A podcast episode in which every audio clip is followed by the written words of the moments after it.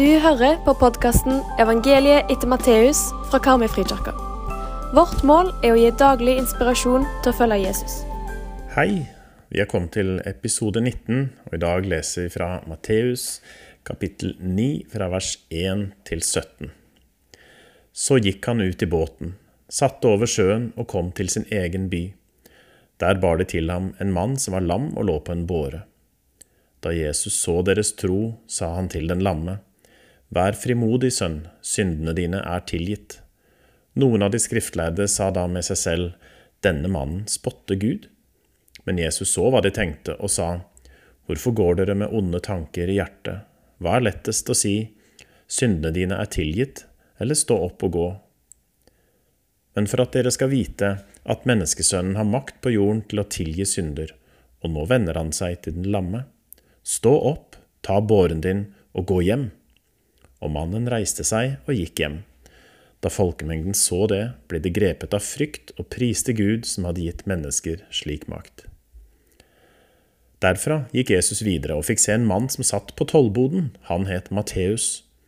Jesus sa til ham, Følg meg, og han reiste seg og fulgte ham. Senere var Jesus gjest i huset. Det kom også mange tollere og syndere og var sammen med Jesus og disiplene hans til bords. Dette så fariseerne, og de sa til disiplene, Hvorfor spiser mesteren deres sammen med tollere og syndere? Men Jesus hørte det og sa, Det er ikke de friske som trenger lege, men de syke. Gå og lær hva dette betyr. Det er barmhjertighet jeg vil ha, ikke offer. Jeg er ikke kommet for å kalle rettferdige, men syndere. Disiplene til Johannes kom da til ham og sa, Både vi og fariseerne faster ofte, hvorfor faster ikke dine disipler? Kan vel bryllupsgjestene sørge så lenge brudgommen er hos dem, svarte Jesus. Men det skal komme en tid da brudgommen blir tatt fra dem, og da skal de faste. Ingen setter en lapp av ukrympet tøy på et gammelt klesplagg, for en slik lapp vil rive med seg et stykke av plagget, og riften blir verre. Man fyller heller ikke ny vin i gamle skinnsekker, for da revner sekkene, vinen renner ut, og sekkene blir ødelagt. Nei, man fyller ny vin i nye skinnsekker, da blir begge deler bevart. Når jeg leser dagens tekst, så tenker jeg på dette at Guds rike er et opp-ned-rike. Det er en annen orden enn i verden. Det er noen som kommer til Jesus med en mann som er lam. Han har et åpenbart menneskelig behov, nemlig å kunne gå på egne bein. Det kan jo vi forstå selv i dag, selv om de som ikke har bein å gå på i dagens Norge, får mye mer hjelp og omsorg av det offentlige enn den gangen. For da var de overgitt til tigging. Likevel, Jesus tilgir mannens synder først. Det viktigste er at han får tilgang til Guds rike og til evig liv. For Jesus så hadde dette vært nok. Men så leser vi at Jesus sier, For at dere skal vite at menneskesønnen har makt på jorden til å tilgi synder, så reiser han den lamme opp, og beina er leget. Jesus har allerede helbredet mannens indre, men det er usynlig for mennesker. Når han gjør noe som er synlig for alle, så blir folk overbevist. Her er det flere ting som får meg til å tenke på noe. Og for det første, er jeg en som stoler på det Jesus gjør på innsiden, eller krever jeg synlige handlinger som bevis for at Jesus er den han sier han er? Og hvilken betydning har dette for troen min i hverdagen? Og for det andre, som menighet så ønsker vi å formidle at mennesker kan komme til Jesus, komme til kirken, ikke etter at livet er på skinner, men sånn som livet er nå. Hvordan opptrer jeg når jeg møter et menneske i nød? Og da tenker jeg ikke på når noen trenger gjenopplivning eller øyeblikkelig hjelp, men noen som er alvorlig syke eller har en krise i livet.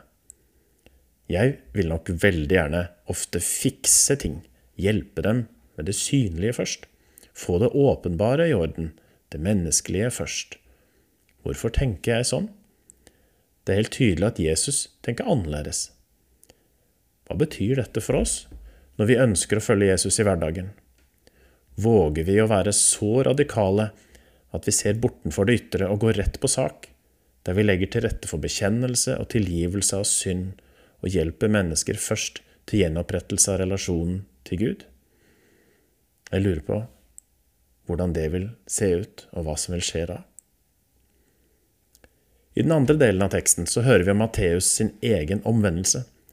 Bare først en oppklaring. I Lukas og Markus så møter vi Levi og ikke Matteus, men Levi er Matteus. I referanser utenom Bibelen så kalles han ofte, for å unngå misforståelser, for Levi Matteus. Og han hadde ikke livet sitt på stell. Han var en toller, som på den tiden innebar at han var en dobbelt fiende av sitt eget folk, fordi han var toller, og fordi han sviktet sine egne.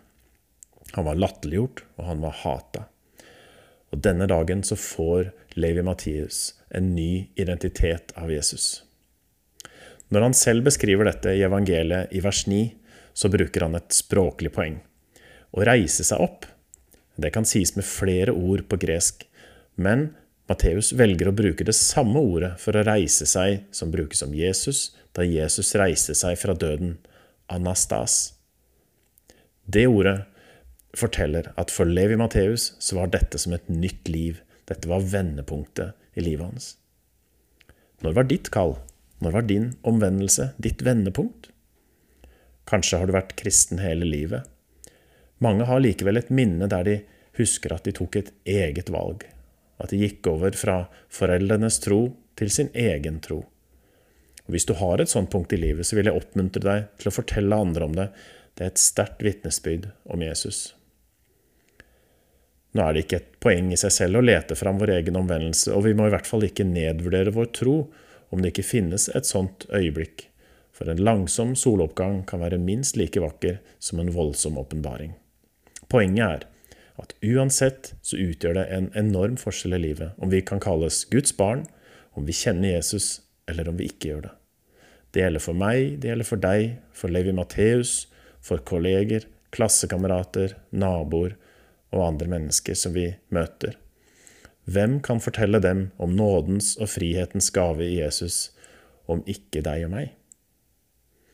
Når jeg møter mennesker som trenger nærhet eller omsorg, tør jeg da tenke hva Jesus ville gjort først i den situasjonen, om han var meg?